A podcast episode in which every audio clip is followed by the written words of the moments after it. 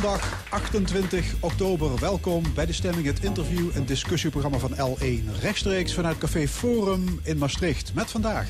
Maastricht-Agen Airport zit in de lift, maar omwonenden klagen over overlast. Hoe vergaat het Nederlanders die emigreren naar België en andersom? Hoe goed zijn we beveiligd tegen Russische hackers en andere cyberaanvallen? En voor de live muziek tekent Elwin de Vries.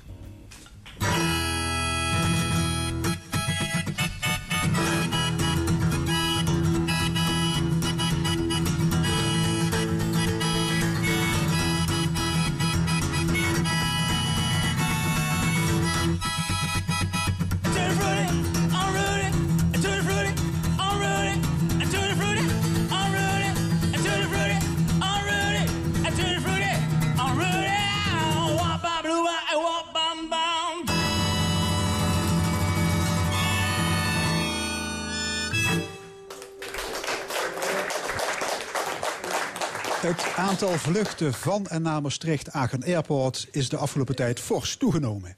En daarmee ook de overlast. Dakpannen worden van huizen geblazen en omwonenden klagen over kabaal na 11 uur 's avonds. Intussen zijn provincie en Rijk druk bezig om nog meer bedrijvigheid naar het vliegveld in Beek te halen. Denk aan Alibaba. De emoties lopen hoog op. Aan tafel Herman Nijskens, fractievoorzitter van de VVD in Provinciale Staten. En Frank Wormer van het burgerinitiatief Omwonenden MAA. Goedemorgen allebei. Afgelopen donderdag was er een reguliere vergadering van de commissie Regionaal Overleg Luchthaven Maastricht. Eh, daar zitten gemeenten, maar ook eh, bewoners. De gemoederen die liepen hoog op. Ehm, ik geloof niemand van de aanwezigen hier was bij die vergadering. Maar het geeft natuurlijk Frank Wormer wel aan dat er blijkbaar dat de emoties nogal eh, hoog oplopen daar. Ja, dat is, dat is niet gek. Want de, de overlast die de omwonenden ervaren sinds ruim een jaar... die is groot en die neemt alsmaar toe. En de omwonenden weten dat het nog maar het begin is van een ontwikkeling... die nog, eh, nog tot veel meer zal leiden. En dat kwam En- en afgelopen niet- week dus eh, tot uitbarsting. Ja, ik, ik, ik was er niet bij, dus een uitbarsting is denk ik een groot woord. Maar eh, er moet wel iets gebeuren om een uitbarsting te voorkomen, denk ik. Want dat ziet u de wel omwonenden gebeuren. worden, worden niet, niet eh, om, om 12 uur s'nachts uit de slaap gehaald, maar dat begint al om 6 uur s ochtends. Dan vliegen de eerste Corendon-vliegtuigen en die maken duizenden mensen wakker elke dag. En door de dag hebben we dan eh, grote eh, vrachtvliegtuigen met, met veel, heel veel lawaai. Eh, mensen in Schietenkoven, die, eh, die, die meten, die zijn dus eh, langs de deur gegaan. Die hebben meetapparatuur aangeschaft. Die meten hun, het, het geluid en die meten de luchtkwaliteit. Die meten geluidswaarden van 105 decibel plus. Dat, dat is puur geweld dat op, op die mensen. En die, en die meten slechte luchtkwaliteit. En ja, dus eh, la- lawaai is een heel groot probleem. En het is bekend dat lawaai, voortdurend lawaai, ook van invloed is op de gezondheid van mensen. Eh, wat een nog groter probleem is, dat, en wat we niet zien, dat is het fijnstof. Eh, wetenschappers hebben duidelijk gemaakt dat eh, het opstijgen van een, eh, een grote Boeing, een zwaar eh, geladen eh, vrachtvliegtuig, en, en die, die vliegen bij ons eh, langs, dat die evenveel fijnstof produceren als 1 miljoen vrachtwagens. En wat de grootste zorg eh, baart, dat is het, eh, dat is het ultrafijnstof. Dat is het fijnstof dat niet in de keel wordt opgevangen bij mensen, maar dat zich in de longen nestelt. En dat op termijn voor eh, ernstige, ernstige ziekte gaat zorgen. Ja, een hele hoop zorgen dus rondom die startbaan. U bent zelf ervaringsdeskundige, want u woont Ik onder die startbaan. naast, ja. ja. Herman Nijskens van de VVD. Ja, mensen maken zich dus zorgen over hun gezondheid, over de leefbaarheid in dat gebied. Begrijpt u het? Eh, natuurlijk begrijpen we dat. Ja, maar... ehm, Maar, ja, kijk... het, Vul ik dan eh, maar in. eh, Ja, dat is logisch. Kijk, het is natuurlijk... eh, eh, je hebt infrastructuur nodig eh, bij eh, concentraties van mensen. Mensen willen zich vervoeren, mensen willen op vakantie, mensen willen producten eh, thuisgebracht, thuisgestuurd krijgen. En eh, ja, dan gaat het hele eh, wetgevingscircus eh, gaat aan de slag. En dan eh, krijg je dus altijd de spanning tussen eh, omwonenden eh, net waar een, een ontwikkeling landt en het, het algemene belang wat gediend wordt. En dat is zelden in harmonie. En juist omdat we dan proberen om de overlast in ieder geval acceptabel te houden... daar is alle wetgeving op gericht... probeer je toch ook in, in, in gesprek met de omwonenden... een, een eh, ja, zeg maar acceptabel eh, leefklimaat eh, te bewerkstelligen en te behouden. Ja, maar het aantal mensen dat klagen, dat is wel fors toegenomen. Er is blijkbaar wel wat aan de hand. Als je kijkt naar het afgelopen kwartaal... is het aantal klagers gestegen van 1600 naar 7200... als je het vergelijkt met het, hetzelfde kwartaal vorig jaar. Hè. Dat kun je dan vergelijken. Dat, is natuurlijk, dat geeft wel aan dat er iets aan de hand is daar. Ja, het, het geeft denk ik ook vooral, eh, ja, het klinkt misschien heel vervelend nu, eh, het succes van het vliegveld eh, aan. Eh, de, eh, in de jaren negentig waren er nog veel eh, meer eh, vliegbewegingen dan nu. Eh, althans, zo staat het in de rapportages. En eh, op het moment dat eh, die nieuwe eh, concessiehouder aan de slag is gegaan... die had natuurlijk niet op dag één eh, zijn hele programma vol. En eh, hij doet zijn uiterste best om eh, binnen de eh, normen van eh, wat hij mag... en binnen de voorwaarden van de concessie... het vliegveld gewoon vol te duwen. Ja, er is een particuliere investeerder Ja. die het vliegveld runt. Hè, zo Ja. moet je het zeggen. Ja. Frank Wormer, ja, het is dus, eh, het, het kan allemaal, het mag allemaal, dus jullie moeten ermee leven. Ja, we- we- dat zullen we zien. Dat zullen we zien.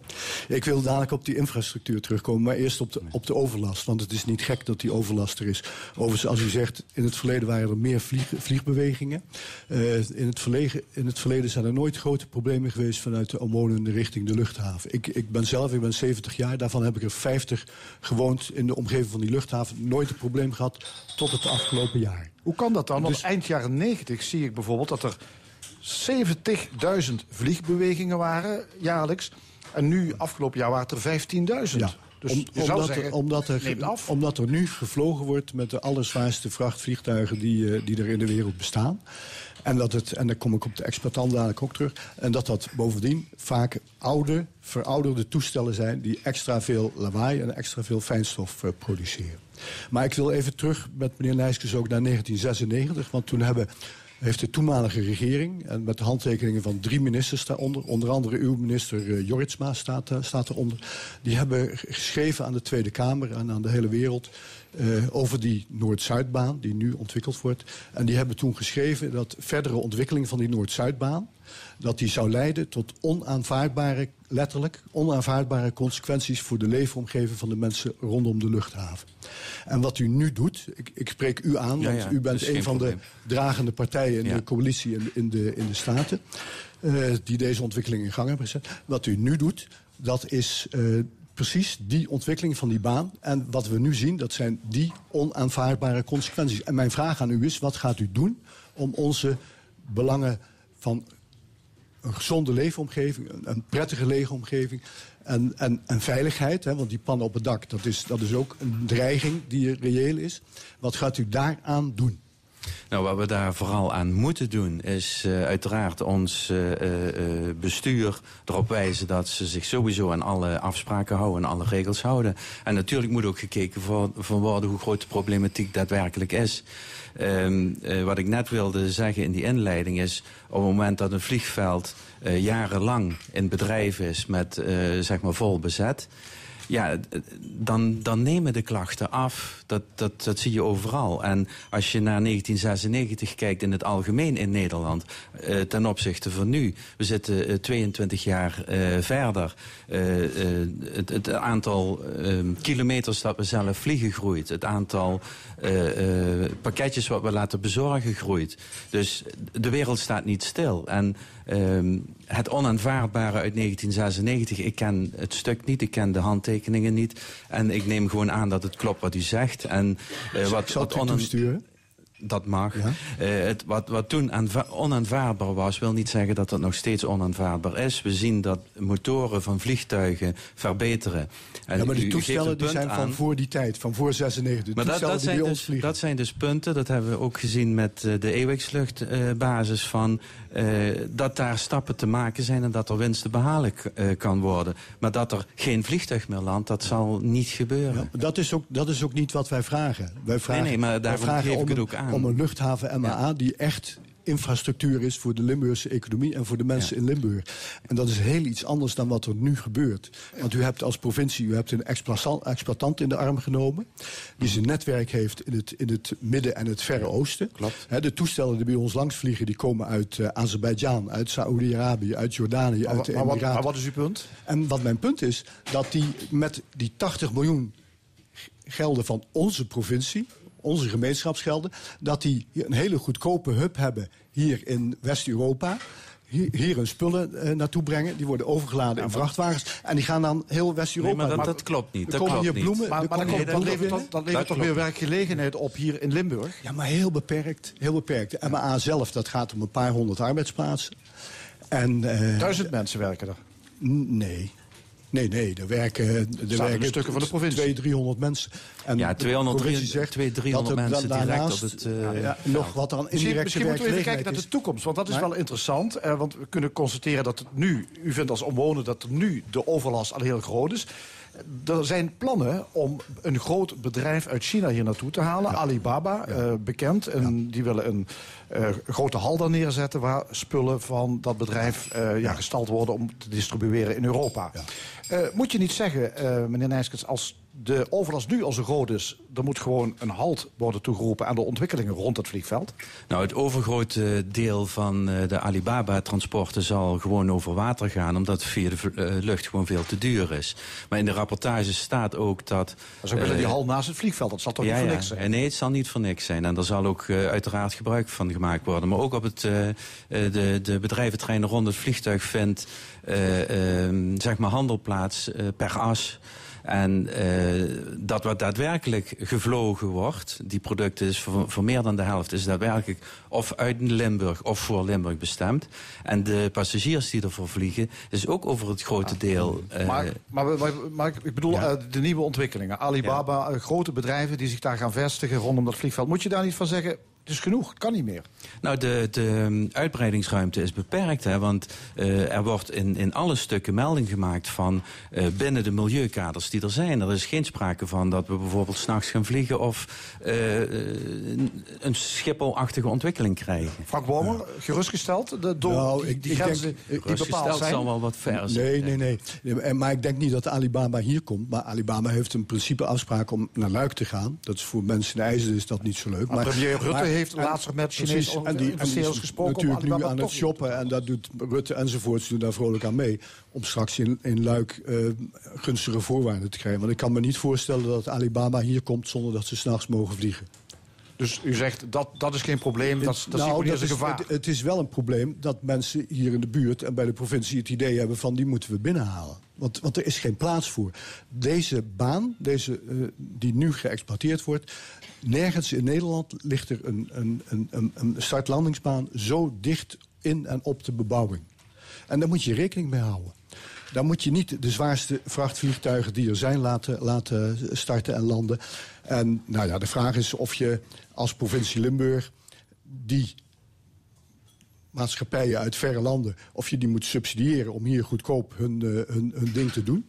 Eh, de vraag is of je als provincie Limburg ook je, je, je 80 miljoen moet inzetten, mede, om mensen goedkoop naar de zon te laten vliegen en mensen uit Groningen hier een gratis parkeerplaats eh, te, te bieden, waar de MAA met, met trots op wijst in de kranten af en toe.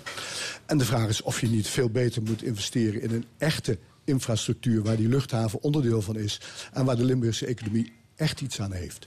Ja, maar En- en- Ja, maar- en, en als het gaat om het toerisme. Ik wacht even op het applaus, want dat was Ja. niet voor mij bedoeld. Ja. En als het gaat om het toerisme, waarom investeert u niet in het toerisme in deze provincie? En, en wel in mensen die goedkoop naar elders gaan vliegen. Maar er wordt eh, geïnvesteerd in toerisme eh, in de regio. Er zijn zelfs eh, vanuit die kant zelfs mensen in Zuid-Limburg die zeggen... er zijn al te veel toeristen. Dus ook daar ontstaat overlast en streven we naar spreiding over de, over de hele provincie. Ja. Maar de, de, het vliegveld is gewoon een basis van echt de basisinfrastructuur. En je wil en over water en over de weg en door de lucht wil je mensen en producten vervoeren. Want je ziet nu met de lage waterstand dat zelfs de scheepvaart al moeilijk heeft. En toch eh, moet eh, het hele proces op gang blijven. Dus je kunt niet op één paard wedden. Ja, maar wat, wat wij zeggen, je moet, je moet niet kiezen voor bulk en voor low budget. Je moet kiezen voor een infrastructuur die echt iets toevoegt aan de Limburgse economie. Ja, gaat, En- gaan en wij- jullie niet als, eh, als be- belanghebbende, ik begrijp het, je- dat jullie als omwonenden natuurlijk last hebben van het vliegveld. Van de andere kant, gaan jullie niet heel erg makkelijk voorbij aan het economisch profijt van eh, het vliegveld? Want het was op sterven na dood. Het is nu eigenlijk weer gered. Hè. Eh, heeft vluchten. Er is heel veel vrachtverkeer bijgekomen. Duizend mensen die daar toch werken, lees ik in stukken van de provincie. Gaan jullie daar aan voorbij?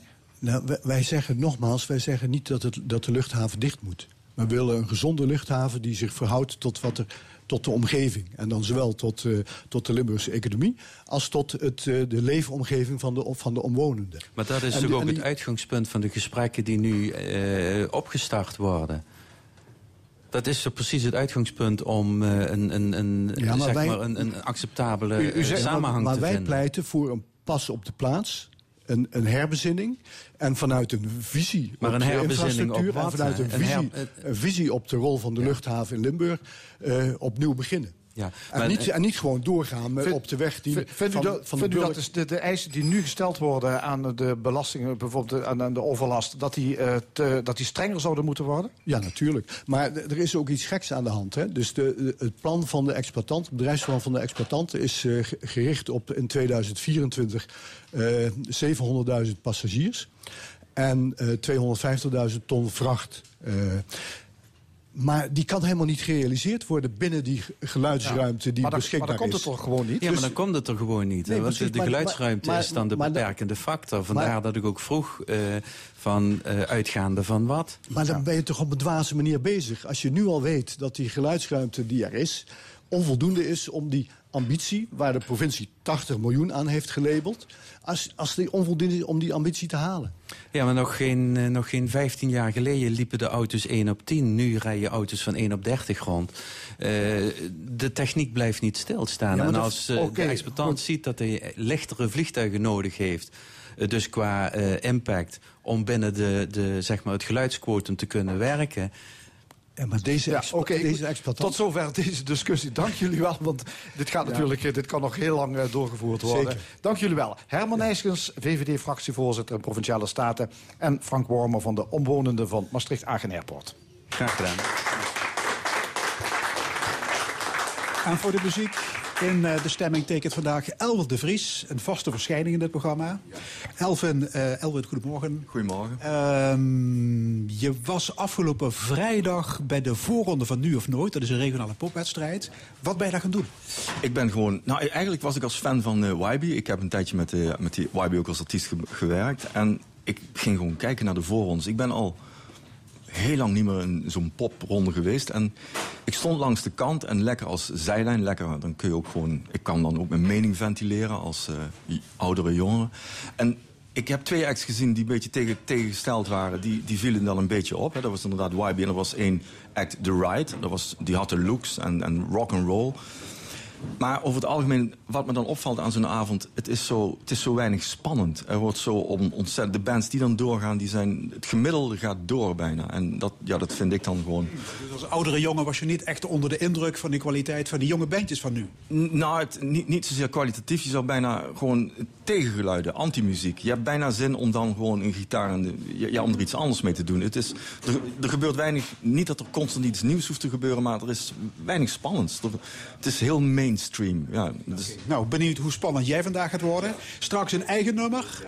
En nu een cover van Bob Dylan. ja eh, eh, All Along the Watchtower. En eigenlijk zou ik hem helemaal anders moeten spelen hè, dan gewoon naar dit commentaar van mij. Oh, yeah. Zet hem op. Elwin de Vries.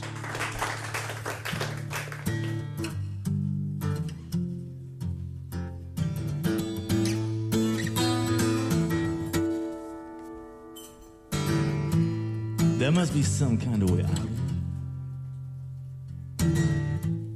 Said the joker to the thief. There's too much confusion. I can get no relief. Businessman, will they drink my wine? Plowman, dig my earth. And and none of them along the line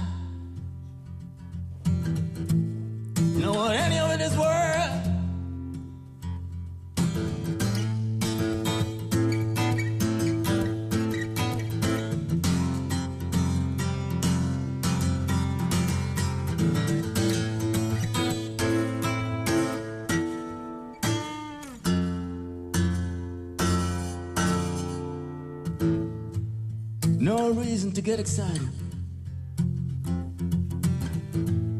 The thieves he kindly spoke. There are many here among us who believe that life is but a joke. But you and I, we've been through that. This isn't our fate. Let us stop talking falsely now. The hour's getting late.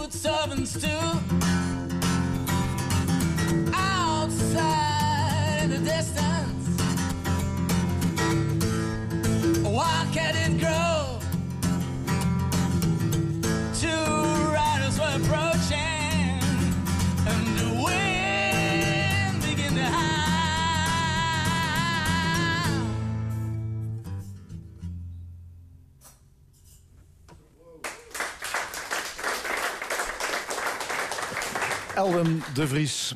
Is Nederland in cyberoorlog met Rusland? Onze minister van Defensie zei van wel, hoewel ze dat woord ook alweer snel inslikte. Feit is dat er op digitaal gebied van alles dreigt. Cyberaanvallen die banken en ziekenhuizen platleggen, hackende spionnen en trollenlegers uit Rusland. Zijn we voldoende beveiligd of is een digitaal slagveld onvermijdelijk? Bij ons Michel van Eten, hoogleraar internetveiligheid aan de TU in Delft en ook romanschrijver. Meneer Van Eten, welkom.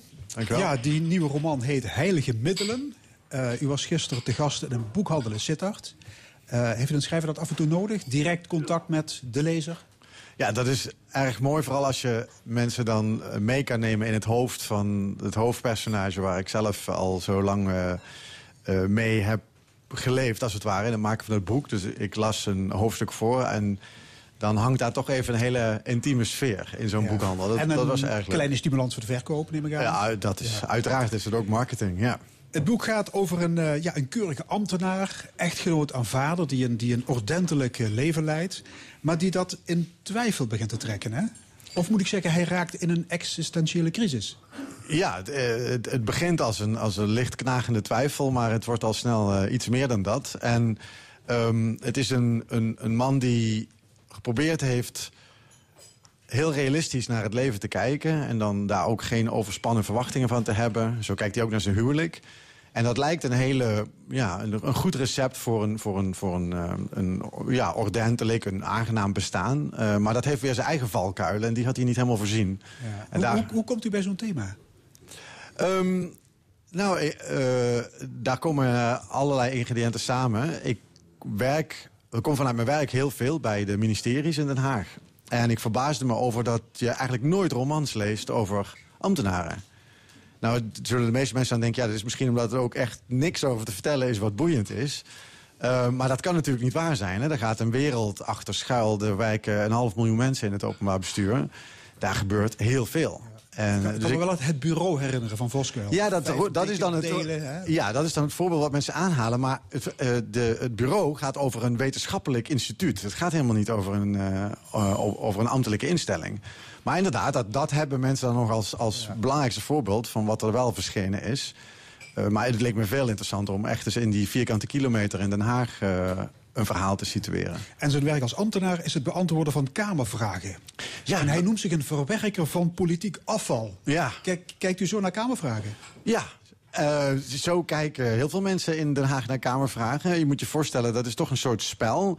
De, het parlement moet het bestuur controleren. En wat betekent controleren? Nou, een beetje kritisch eh, onder druk zetten. En eh, als je dat allemaal eh, op je afkrijgt als ministerie... dan ligt je werk de hele tijd stil. Want alles moet voortdurend heroverwogen worden. En toch weer anders. Hè. We hoorden het net in het gesprek hier ook. Het moet allemaal heroverwogen worden. Maar ondertussen willen ook mensen hun werk doen. En een van de manieren om dat te doen is door die Kamervragen onschadelijk te maken. Dus dan geef je ultra beleefd antwoord waarin je allemaal be- eh, hoe zeg je dat, warme dingen zegt die heel beloftevol klinken, maar ten diepste niks toezeggen. Ja. En dan heb je zo'n vraag geneutraliseerd. Je hebt hem als het ware langzaam de zuurstof eh, eh, ontnomen. En dan, eh, dan wordt zo'n vraag geruisloos afgevoerd in de. Ja, archieven. d- er zijn volksvertegenwoordigers die er praat op gaan dat ze kampioen vragensteller zijn. Ja. Maar eigenlijk is dat dus heel sneu, zegt u. Nou ja, kijk, het is niet zo dat het helemaal geen zin heeft. Maar daar zit een zeker ambacht in die vragen ook weer eh, niet al te veel impact te laten hebben. En dat is waar die man, ja, waar, wat zijn dagtaak is. En wat hij ook wel leuk vindt. Want hij vindt eigenlijk, heeft hij een hekel aan het hele theater van opwinding en verontwaardiging. Iedereen is maar verontwaardigd de hele tijd. Daar heeft hij ook echt enorme hekel aan. Dus hij ziet dat ook als een nobel, nobel werk om die verontwaardiging af te voeren... zonder dat het iets eh, van ellende veroorzaakt. Ja. Er verscheen een mooie recensie in Elsevier. Citaat, het boek is een perfect medicijn tegen zelfoverschatting. Ja, dat eh, las ik ook, ja. Ehm, eh, eh, misschien omdat die man heel, heel erg relativerend kijkt naar zichzelf... maar ook naar het hele politieke spel. En ja, de, de recensent suggereerde dat een hoop mensen in Den Haag er goed zouden aan doen... om dat eens te lezen. Ja. Ja. Er verschijnen veel boeken, hè? Ja. Hoe, hoe lastig is het om, om op te vallen in die bulk aan nieuw werk? Ja, dat is ongelooflijk lastig. Ja, dat, eh, er zijn een paar namen van auteurs die altijd eh, hun aandacht krijgen. Ja. Eh, die, eh, die worden besproken. De meeste werken, ja, ik, weet, ik denk dat mensen dat niet beseffen... de meeste romans die uitkomen, die krijgen nul recensies. Die worden helemaal niet besproken, die verschijnen er... eh, die, die, verkopen wat in de directe omgeving van de auteur. En dan houdt het heel snel op. Dus je, ja, als dan bijvoorbeeld ook zo'n boekhandel vraagt om te komen... ja, dat is hartstikke mooi. Dat betekent toch dat je weer een aantal lezers ontmoet... en, en kan laten eh kennismaken met Ja. het werk. Wanneer komt uw grote Opbicht-roman uit? Nou, Want u bent geboren en getogen in Opbicht. Geboren en getogen in Oppicht. En ik moet wel heel eerlijk, eerlijk zeggen dat eh, voor mijn derde boek zit ik wel te puzzelen op iets wat daar zich afspeelt. Ja, dus wie weet. Over een paar jaar. Ja. Nou, spannend. U bent eh, hoogleraar internetveiligheid aan de Technische Universiteit in Delft. Ik las vanmorgen een berichtje dat er een, eh, weer een redelijk grote internetstoring is in Nederland. Eh, tienduizenden mensen die dus niet op het net kunnen. Piept en kraakt het internet in Nederland? Het internet piept en kraakt altijd. Het is vanaf de uitvinding een piepend, krakend, eh, met plakband aan elkaar eh, eh, gebouwd netwerk geweest. En dat is voor een deel ook de kracht ervan. Dus we hebben helemaal niet een heel mooi, strak ontworpen systeem op een tekentafel... Die, die we gebouwd hebben en waar je dan vervolgens misschien de zwakke kanten van leert kennen. Nee, dit heeft altijd ehm, is het een soort improvisatiestuk geweest.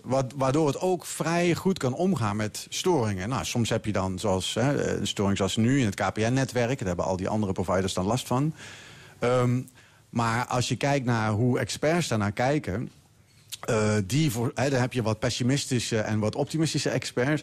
De pessimisten die voorspellen al jaren dat nou toch binnen 1 à 2 jaar het internet een keer helemaal onderuit gaat. En dat voorspellen ze al 15 jaar. En elke keer denken we, ja nee, er zit misschien wel wat in, maar het is nog nooit gebeurd. Iemand haalt er altijd wel weer een rol plakband bij en dan... eh, Precies, ja. En er zitten heel veel verborgen, eh, hoe zeg je dat, verborgen oplossingen in dat netwerk. Dus wij denken dan, hè, er was een man ook, een beroemde man in onze kringen, een wat oudere eh, eh, meneer die eh, op conferenties opstond. En die zei dan, met een nagelschaartje kan ik het internet platleggen. En, die zei, die, en dan was zijn idee, ik ga naar het Am- Amsterdam Internet Exchange, dat is een heel groot knooppunt. En het internet, en daar knip ik een paar kabels door... en dan is het afgelopen met het internet. En er was op een gegeven moment waren andere mensen daar zo ziek van... die zeiden, doe het maar een keer. En later, hij heeft het niet gedaan... later viel, het Amsterdam, eh, viel de Internet Exchange echt een keer uit. Gewoon omdat, door een stroomstoring en wat andere dingen. En wat bleek? Niks van gemerkt. Hè, want overal bleken toch nog andere verbindingen tussen die netwerken te zitten... die wij helemaal niet weten. Die die providers zelf hebben gemaakt. Die providers weten dat van elkaar niet Klinkt eens. toch een beetje vingers kruisen en wel goed. Maar Ja, zo klinkt het. En, en dat is ook wat, waar ze in Den Haag heel nerveus van worden. Want je hebt geen mooi, duidelijk antwoord hoe je dit gaat eh, oplossen. Maar het werkt wel. Ja.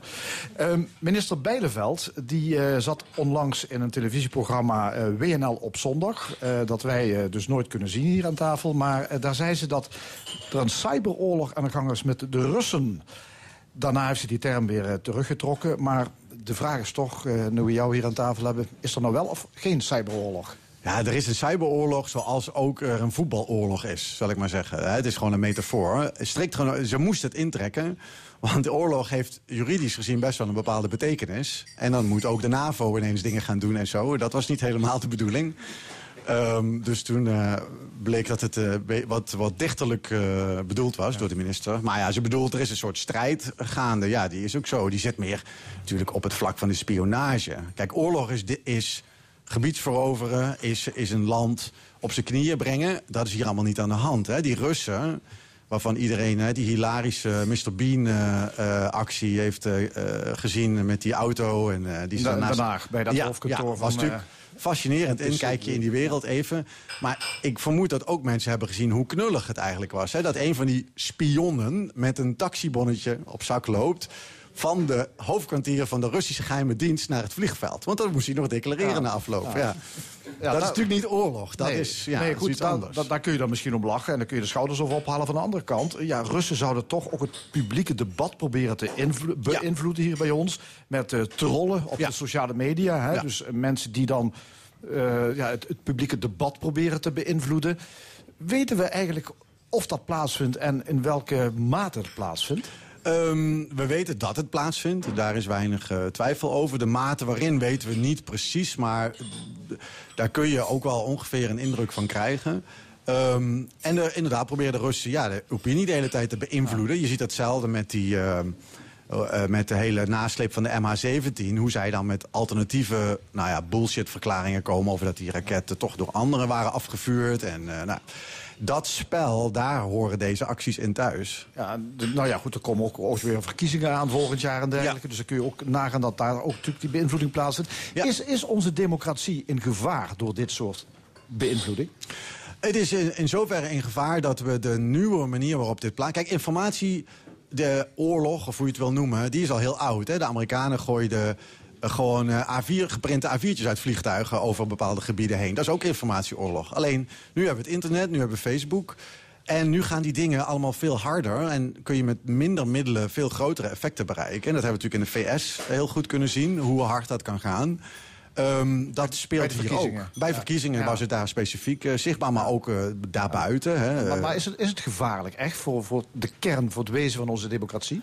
Het, het, wat, waar, waar, dit, eh, waar dingen als Facebook heel goed voor zijn, zijn, is om de verdeeldheid in een samenleving enorm uit te vergroten. En dus groter te maken. En dat is voor een democratie een probleem. Je moet in een soort vrijheid met elkaar toch verschillende meningen zien te verzoenen, genoeg verzoenen om samen te kunnen leven. En als dan iemand eh, groepen eh, beelden geeft die suggereren dat hun eigen landgenoten de grootste vijanden zijn. En dat je die, eh, nou ja, en je, eh, dat veroorzaakt spanningen en soms zelfs geweld. Hè, dat kun je nu ook in de VS zien. Ja, is onze verdediging wat dat betreft, om toch in die beeldspraak te blijven, is die up-to-date? Kunnen we dit aan? Ehm, nou ja, de democratie is een vrij veerkrachtige institutie gebleken. We hebben natuurlijk heel grote dingen meegemaakt in de, in de, in de geschiedenis.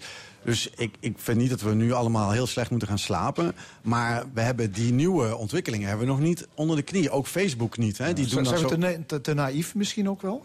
We zijn volgens mij niet te naïef, maar we hebben niet een goed antwoord. En dan is het heel moeilijk wat je moet doen met een, een heel alarmerend verhaal. En dan denken mensen toch, ja, ja, ik weet niet wat we dan kunnen doen. Dus we gaan toch maar weer over tot de orde van de dag. dat is niet per se Wie, wie moet dit oplossen? De overheid? Nee, ja, eh, nee, ik denk dat de overheid niet zoveel kan doen. Eh, Facebook kan er een beetje iets aan doen. Maar verder moeten wij het als burgers moeten we eh, heel. Moeten we eigenlijk leren heel sceptisch om te gaan met alle informatie die ons bereikt. Daar moet je het uiteindelijk van hebben. Dat mensen denken, ja, het staat er wel. Maar dit kan ook door iemand verzonnen zijn die mij probeert te beïnvloeden. Dankjewel, Michel van Eten. En meer kamervragen stellen. En meer kamervragen stellen. Zometeen in de stemming Mick Matthijs. Hij schreef een boek over de cultuurverschillen tussen Belgen en Nederlanders. Wat krijgen we voor onze kiezen als we naar de zuiderburen verhuizen en andersom? Maar eerst zanger-gitarist Elwin de Vries. Dit is de eigen compositie Gimme the Money.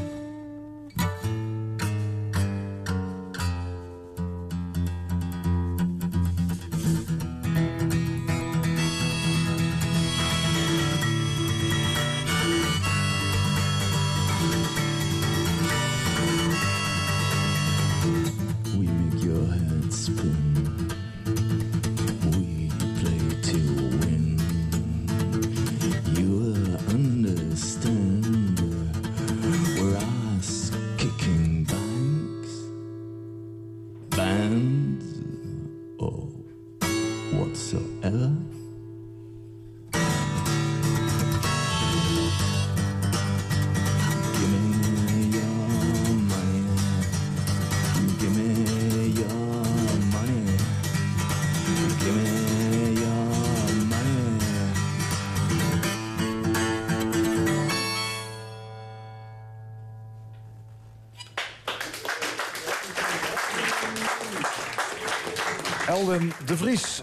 Laatste gast in de stemming van vandaag, want we zijn er maar tot 12 uur.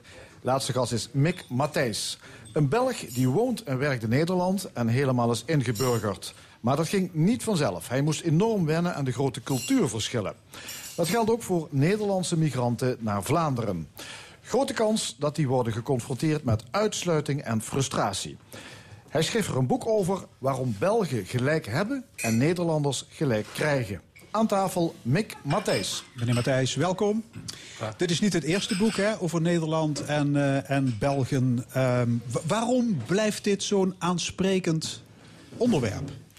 Ja, ik, eh, ik weet het niet zo goed, maar het, het- ik moet zeggen, als ik dat vertel, dat ik dat boek schrijf... en dan krijg je altijd hele levendige discussies. Ja. Zowel in Vlaanderen als in eh, Nederland. Dan, eh, dat zit blijkbaar ergens vooraan.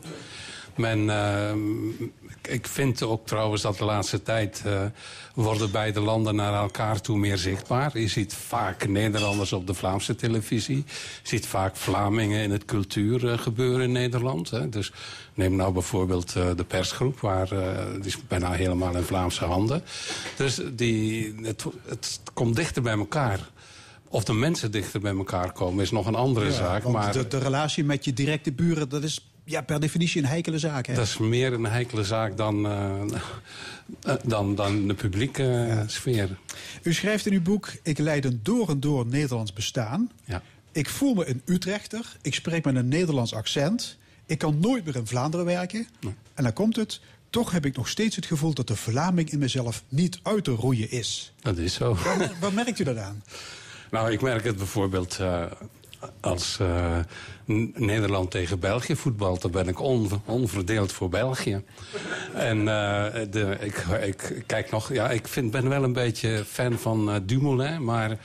Ik kijk toch liever naar Ja, de maar dat is Belgen. een halve Belg, hè? Dat is eigenlijk een halve. Belg. Ja, ja. Maar Nee. heeft dat ook te maken met het ouder worden? Heimwee naar de, naar de roots, terug naar de stalgevoel? Misschien, ik heb, ik moet eerlijk zeggen, ik heb de, hele tijd dat ik in Nederland woonde en werkte, heb ik daar niet zoveel aan gedacht dat ik uit Vlaanderen kwam. Ik ging ook geregeld naar Vlaanderen. Ja, mijn moeder woonde daar tot voor eh, ongeveer eh, tien jaar. De laatste tijd kom ik er dus veel minder. Nou, nu wel weer met het onderzoek. Maar het, eh, ik merk toch dat het, dat het steeds meer gaat leven. Ja, je gaat Ja, dus de na- Belg in u begint, begint op te spelen. Begint op te spelen. Ook al heeft u 16 jaar geleden uw Belgische paspoort ingeruild Ja. voor een Nederlandse pas. Ja. Nooit spijt van gehad. Nou, dat was een hele Je krijgt grote... er niet meer terug, hè? Nee, het was een hele grote mislukking. Ik dacht, eh, ik had mij goed geïnformeerd en eh, ik dacht, ik krijg de dubbele nationaliteit. Maar toen puntje bij paaltje kwam, eh, kreeg ik een eh, hele formele brief van de Belgische ambassade dat ik geacht werd mijn paspoort per direct terug te sturen, omdat via koninklijk besluit ik afstand had gedaan van mijn Belgische nationaliteit. En ik had dat gedaan omdat ehm, het was in de tijd van, nou, rondom Fortuin en, en dat hele gedoe. En ik kon dus niet stemmen. Ik, ik deed daar hard aan mee, aan die discussie daarover. Want ik zat in een instituut die daar eigenlijk mee bezig was. En ik kon niet stemmen voor het parlement. Dat was eigenlijk, ik kon eigenlijk niet de consequenties nemen dus u werd van mijn Nederlander om, Ja. gewoon om naar de stembus te kunnen gaan. Ja, om, om te kunnen stemmen, ja. En vindt u dat achteraf gezien allemaal waard? Ja, ik vind het ook wel soms een zootje in Nederland politiek gezien. eh, in België ook. Maar ik vind tegenwoordig dat het overal wel een beetje zo is. Dus nee, Ja. maakt mij niet uit. Uw kennismaking met Nederland was niet onverdeeld positief. Hè. De een was takloos, de ander stelde domme vragen. Ja. Citaat, velen deden uit de hoogte, want wisten alles beter. Ja. Dus de arrogantie van de Hollanders, dat is geen vooroordeel. Nou, dat is... eh, Ja, arrogantie is eigenlijk een soort eh, uiteinde van, van een reeks van kenmerken. Van een kenmerk... Nou, bijvoorbeeld, ik vind dat Nederlanders altijd eh, hun gedacht zeggen. Hè. Dat is heel duidelijk. Eh, je weet wat je hebt aan Nederlanders. Ze presenteren zichzelf. Ze, ze willen graag van alles weten. En als dat overdreven wordt, als dat heel veel gebeurt... dan krijgen ze toch de air van arrogantie. Er is ook zo, ik weet niet meer van wie dat is. Dus een, ik geloof dat Fons Jansen ooit gezegd heeft... eh, eh, Nederlanders weten niks over België... maar als ze er een tijdje geweest zijn, als ze op tien minuten geweest zijn... dan weten ze er alles over.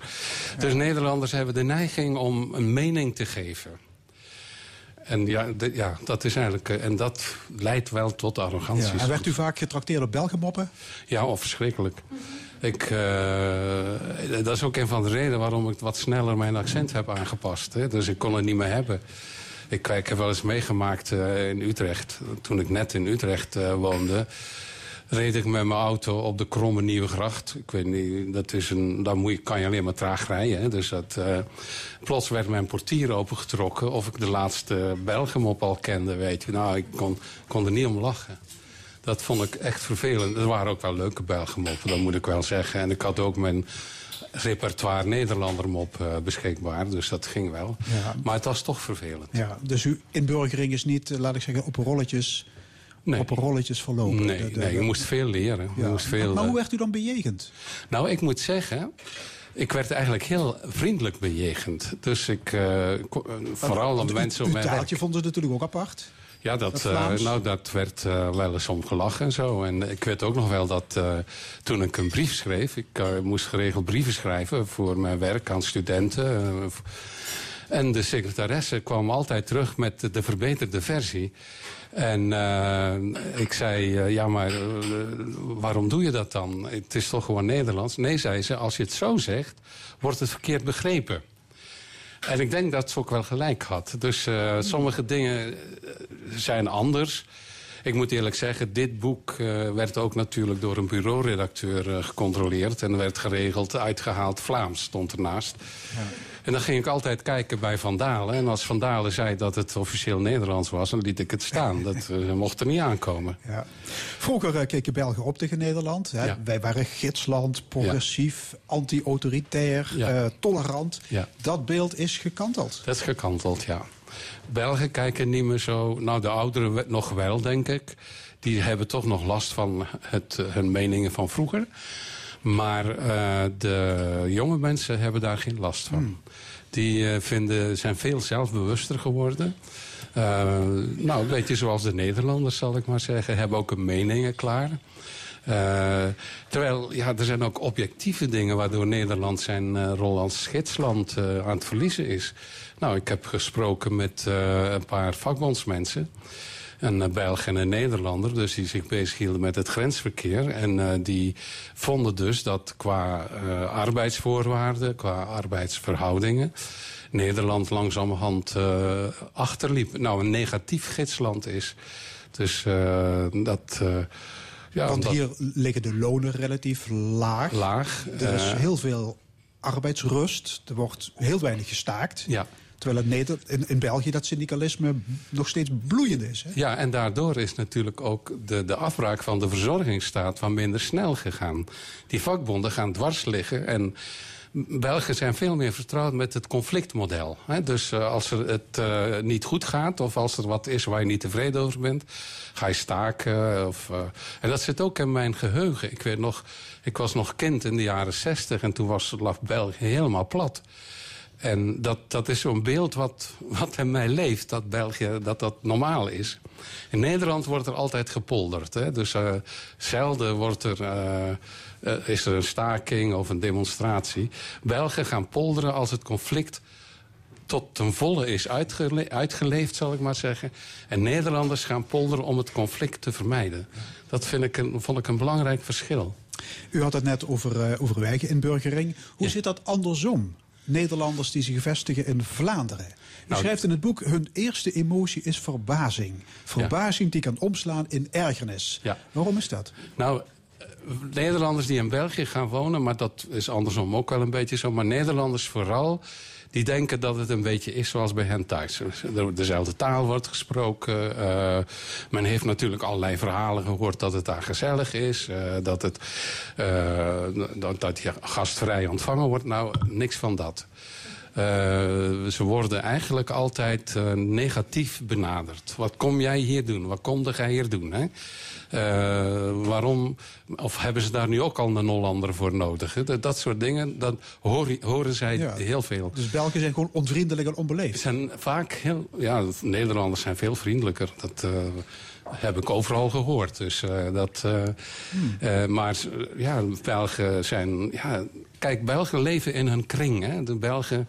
Ik heb ook geschreven dat ze vooral hun netwerk rondom de kerk hebben. Hè. Dus in de familie, in, in het dorp... Dat zie je ook bij studenten. En die, die studeren, die gaan eh, in het weekend allemaal weer naar huis. Want daar, zit hun, eh, daar is een verkering, daar hebben ze een club, dat soort dingen. Nederland niet. In Utrecht liepen, ze, liepen de studenten gewoon op zondag ook rond. Dus dat, dat is heel verschillend. En om daartussen te komen is het heel moeilijk. En eh, wat ik denk, wat werkt om ertussen te komen... is dat je gewoon wat moet doen. Belgen, eh, Nederlanders zijn vooral verbaal ingesteld. Maar Belgen zijn gericht op, wat doet zo iemand? Komt die, doet hij iets voor ons? En als je bij een club gaat, een sportclub of eh, bij een vereniging of zo... dan doe je al iets. U zei al, Nederlanders zijn over het algemeen assertief, hè? Ja. Re- recht voor zijn raap, direct. Ja. En Belgen zijn van de impliciete communicatie. Ja. Die, die houden hun kaarten liever tegen, tegen, tegen de borst. Ja, zij komen niet zo snel met hun mening. Ze moeten het echt eerst goed weten. Of is dat valse bescheidenheid? Calimero. Nou, dat, wordt zo, dat leidt tot valse bescheidenheid. Hè? Dus het kan ook wel, als je je mening niet zegt... dan steek je ook je nek niet uit. En dan, eh, dan ben je niet kwetsbaar. Dus dan is het, die bescheidenheid eigenlijk vals. En Nederlanders die steken echt meteen hun nek uit. Die zeggen wat ze denken en die zijn dus daardoor veel kwetsbaar. Nederlanders zijn ook hele slechte diplomaten. Nou, er is één goeie geweest. Dat was, hoe heet die? eh, Ik zou ik verschet de naam van de broek zit ervoor, maar dat is niet van de stoel. Dat, eh, Van de stoel, van der Stoel, ja. Dat was de enige, nou, dat was het, het voorbeeld, hoe heet dat, eh, de, de, de, de witte raaf in het geheel. Maar Belgische diplomaten vertellen dat ze geregeld eens moeten gaan tussenspringen als de Nederlanders weer wat eh verbruikt te, hebben. te lomp zijn geweest. Te ja. lomp zijn geweest. Wat, wat Nederlanders eh, in België tegen de borst uit, is het gevoel van de, van de Vlamingen. Ja, ja. Eh, vriendjespolitiek, handjeklap, dingen Ja. persoonlijk regelen met een belastingambtenaar. Ja. U noemt dat een nationale vaardigheid. Ja, dat, de Belgen noemen dat van zichzelf. Hè, Ja, en wij, wij kunnen daar slecht tegen. Ja, Nederlanders lopen daar constant tegenaan. Eh, Zeker in België. Ik heb een verhaal gehoord van een dame in Antwerpen. En die eh, had eh, de loodgieter op bezoek, want er was een lek. En eh, zij wilde een, een, een witte, witte rekening, hè, een bon. Nou, die man wist niet waar die stond. Niemand deed dat. En dus, eh, maar zij stond erop. En dus ze moest ook wel om zichzelf lachen. Eh, Dat was, maar eh, dat, dat vond ik dat is typisch. En ik heb ook een verhaal van ook een Nederlands... die dan in de Westhoek woonde... van hoe daar gesjoemeld werd met ruimtelijke ordening... en bestemmingsplannen. Dat was verschrikkelijk. Eh, ja, het zal blijven clashen, denk ik, hè, tussen Nou. Belgen en Nederlanders Ja. vanwege alle verschillen. U schrijft ergens het nuchtere zinnetje... om je thuis te voelen in het andere land... moet je niet verwachten dat de anderen veranderen. Je moet zelf veranderen. Ja. Dus aanpassen. Je moet je aanpassen. Dus ik heb, ik heb ook mensen gesproken die dat... eh, nou, die, die, nee, iedereen heeft zich aangepast die ik gesproken heb. Dus daarom heb, ben ik bijvoorbeeld niet eh, mensen, Nederlanders, gaan interviewen in Braschaat. Dat is daar een kolonie en die zitten daar lekker onder elkaar. Die passen zich niet aan. Maar ik heb ook al verhalen gehoord van mensen die op een bepaald moment eh, in Den Haag... eh, een, eh een schelk en esp gingen bestellen. En de slager verstond het niet. En die man die was kwaad. En die is een paar dagen later terug ver- vertrokken naar België. Die was dus niet bereid om zich aan te passen. Ja. Wie, Dus wie heeft het makkelijker? De Nederlander die naar België gaat of de Belg die naar Nederland komt? Nou, de Belg die naar Nederland komt, heeft het makkelijker. Dus die, die, die wordt in principe aanvaard. Je moet wel met de Nederlandse eigenaardigheden omzien te kunnen. Maar in principe ben je welkom. Mick Matthijs, hartelijk dank. Het boek Waarom Belgen gelijk hebben en Nederlanders gelijk krijgen... is verschenen bij Amsterdam University Press. En tot zover de stemming. Er is vandaag geen tweede uur, want we moeten plaatsmaken voor Eredivisie voetbal. Graag tot volgende week zondag. Dan wederom hier vanuit Café Forum in Maastricht. Nog een mooie zondag.